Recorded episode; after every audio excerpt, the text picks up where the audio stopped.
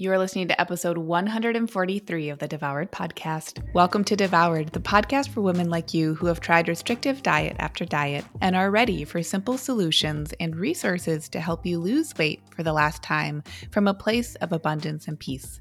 If you're looking to end the yo yo of comfort eating and rigid weight loss protocols and instead step into living your life on your terms while losing weight in the process, you're in the right place.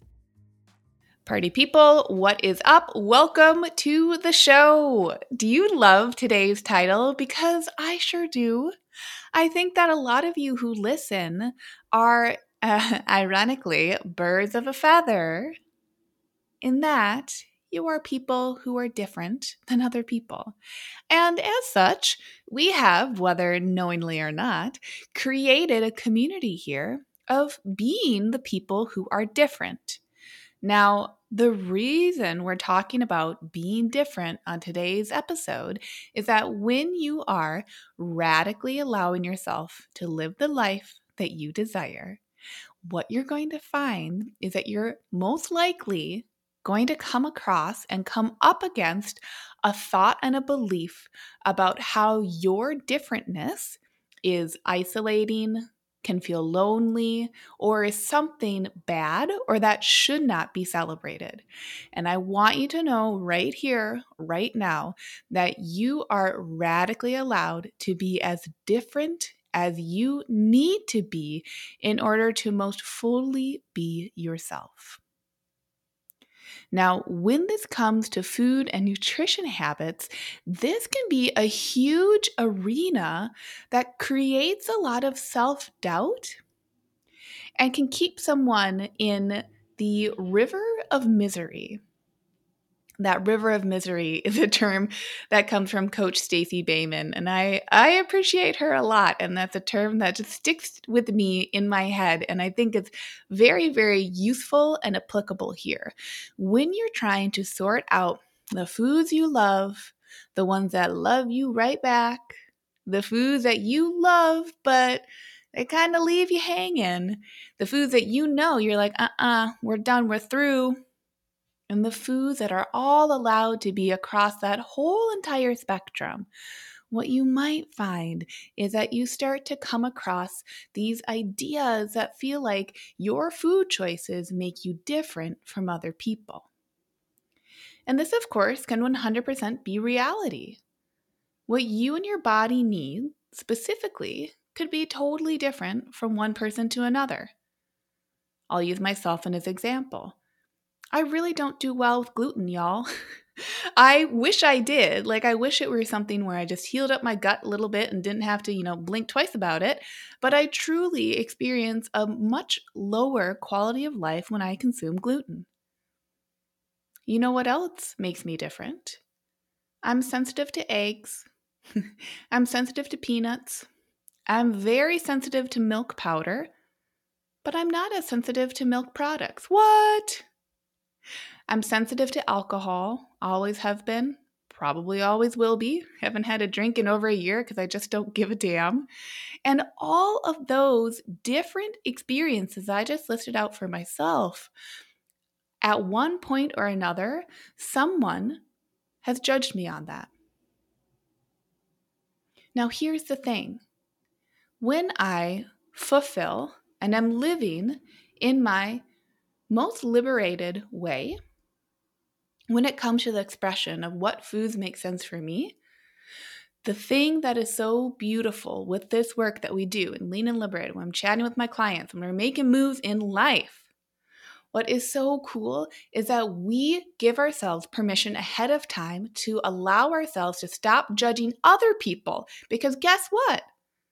When we decide that we're worried about what someone else is going to think about us, that's us prejudging them. That's us trying to create control out of a situation that hasn't happened. And maybe it's been based in a situation that has happened, but there's extrapolation happening there. So we're actually engaging in judgment when we decide ahead of time that someone else is potentially going to judge us, and we don't like that. So we try to control the situation. And I'm here to tell you, y'all, your number one job when it comes to your food and your nutrition is to keep your eyes on your plate to keep your eyes on your abundance, on your love, on your pleasure. And when you allow yourself to drop into that space, you're going to find that all those little things that make you so different, those are the things that make you so wonderful.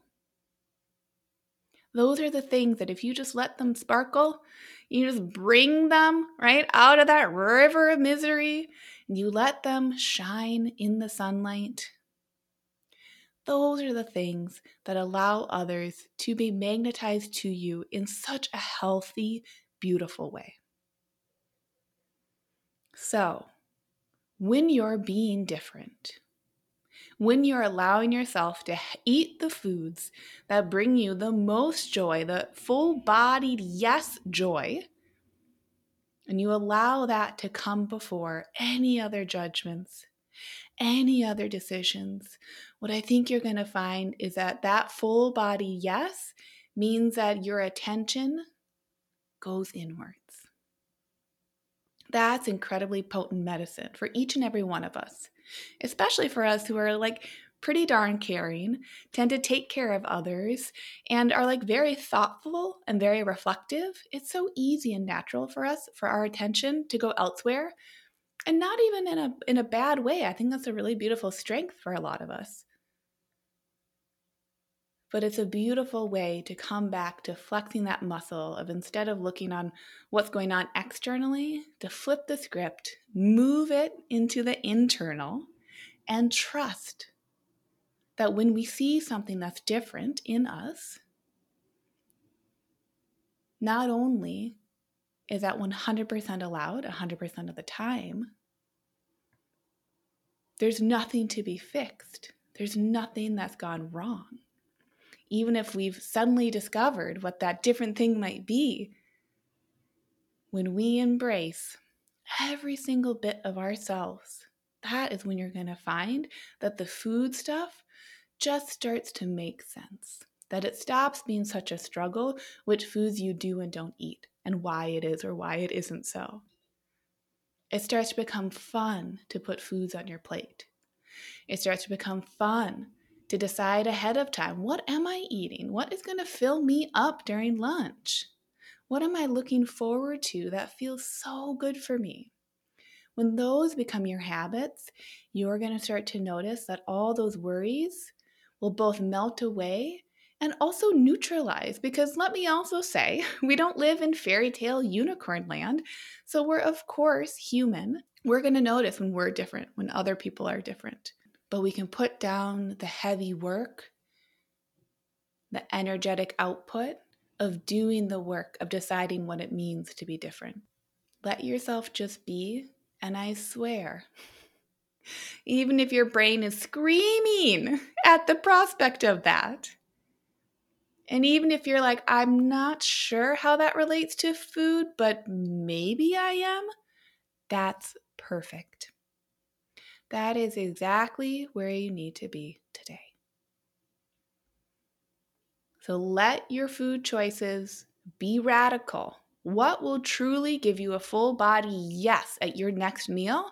I want you to go seek that food out and make it happen. Do that, and I'll see you on the next episode. Did you know you can find more support from me on my website? Go to Lucia Hawley, L U C I A H A W L E Y dot com to connect.